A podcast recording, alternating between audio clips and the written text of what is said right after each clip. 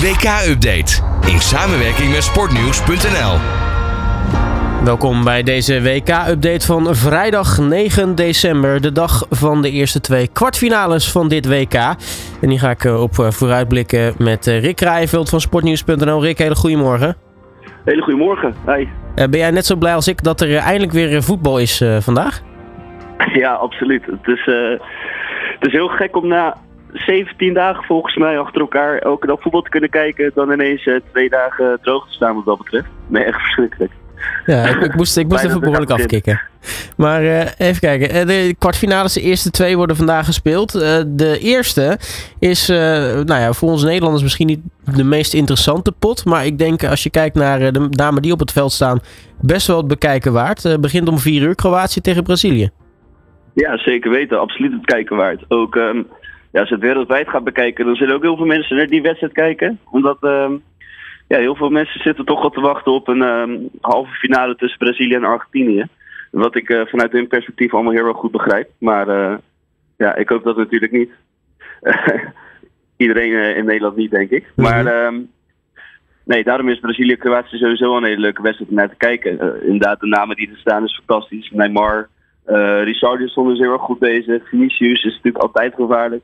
Maar ook als je bij Kroatië kijkt, dat middenveld is echt niet misselijk met uh, Kovacic, Brozovic en uh, Modric.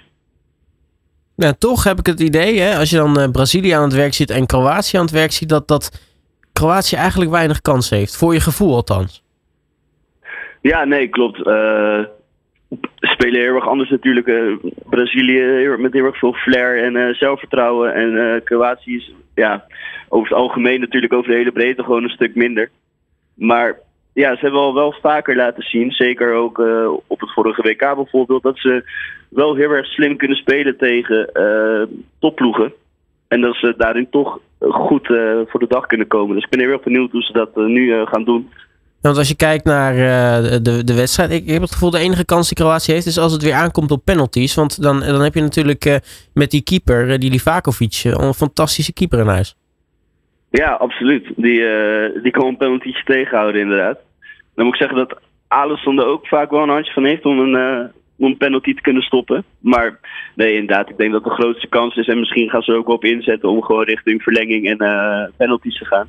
Maar ja, je kan zien hoe, hoe effectief dat kan zijn. Want Marokko heeft ook op die manier Spanje natuurlijk eruit geknikkerd. Dus je weet het, eh, je weet het nooit. Uh, nou ja, dan de andere kwartfinale van vandaag. Uh, dat is natuurlijk waar we met z'n allen naartoe leven. Uh, ja. Nederland tegen Argentinië. Hoe, hoeveel kans heeft Nederland eigenlijk om de Argentijnen pijn te doen? Nou, ik denk dat ze nog aardig veel kans hebben. Ehm, ik denk dat ze vooral tactisch gewoon heel erg goed moeten kijken. Zoals Van Gaal al zei, niet één man op Messi laten staan en die maar laten volgen. Maar gewoon met een hele team ervoor zorgen dat Messi uitgeschakeld kan worden. Uh, ik denk dat dat, uh, als je naar acht jaar geleden keek, uh, was dat al goed gelukt.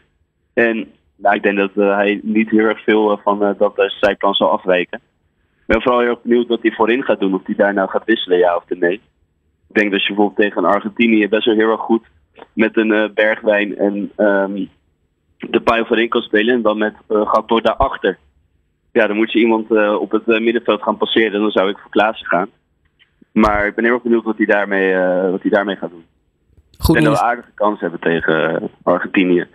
Goed, goed nieuws voor Nederland in ieder geval is dat er nog steeds onduidelijkheid is over de fitheid van Rodrigo de Paul en Angel Di Maria. ook twee natuurlijk best wel belangrijke spelers. Sterker nog, de eerstgenoemde wordt wel eens de bodyguard van Messi genoemd. Ja, absoluut. Die, valt niet per se heel erg veel op in de wedstrijd. Maar het is echt een sloper uh, op, het middenveld uh, altijd. En uh, een hele gevaarlijke speler daarbij ook. Dus het is inderdaad heel erg fijn dat, dat daar een beetje onduidelijkheid over bestaat. Ik heb begrepen dat ze gisteren wel voor het eerst weer getraind hebben. Maar ja, dan is het nog maar ho hoogst, hoogst onzeker natuurlijk of ze aan de basis zullen staan vandaag. Als we kijken naar het uh, track record van, uh, van Nederland uh, tegen Argentinië, zeker op eindrondes, die is volgens mij best wel positief, hè? Ja, absoluut. In, ze hebben ja, volgens mij negen keer tegen Argentinië op een eindtoernooi gespeeld. En um, eigenlijk nog nooit binnen de 90 minuten verloren. ja, twee keer verloren. de laatste keer was natuurlijk WK 2014 met de penalties. En een keer daarvoor in de verlenging verloren. Dus ja, wat dat betreft, qua de statistiek hoeven we niet bang te zijn voor Argentinië in ieder geval. Ja, toch hoopt uh, bijna heel de wereld, behalve de Nederlanders, dat we in de halve finales een uh, superclassico gaan krijgen tussen Brazilië en Argentinië. Uh, Wij gaan er alles aan doen om dat tegen te houden.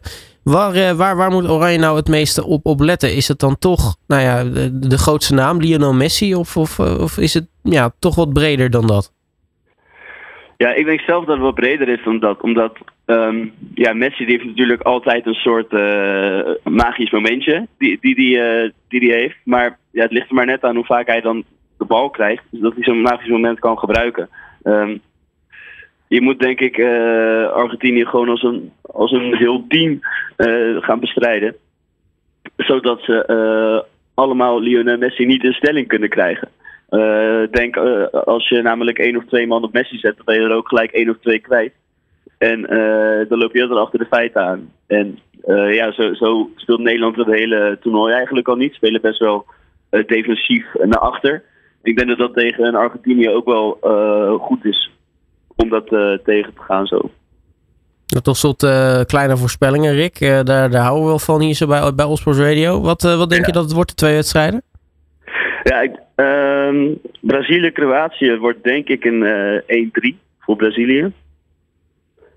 Uh, en Nederland denk ik dat het heel erg spannend wordt. Ik denk dat 1-1 is eerst en dan in verlenging dat wij uh, de laatste goal maken. 1-2 voor Nederland of 2-1. Nou, die gaan we met uh, potlood opschrijven. Want je mag natuurlijk je poeltjes nog invullen totdat die wedstrijd van uh, Brazilië begonnen is. Dus uh, nou, ja. ik zou zeggen, doe er, doe er je voordeel mee. Rick Kraaienveld van Sportnieuws.nl mag ik je hartelijk danken voor je tijd. En natuurlijk heel veel kijkplezier vandaag. Yes, geen enkele dank jij ook. Alle sporten van binnenuit. All Sport Radio.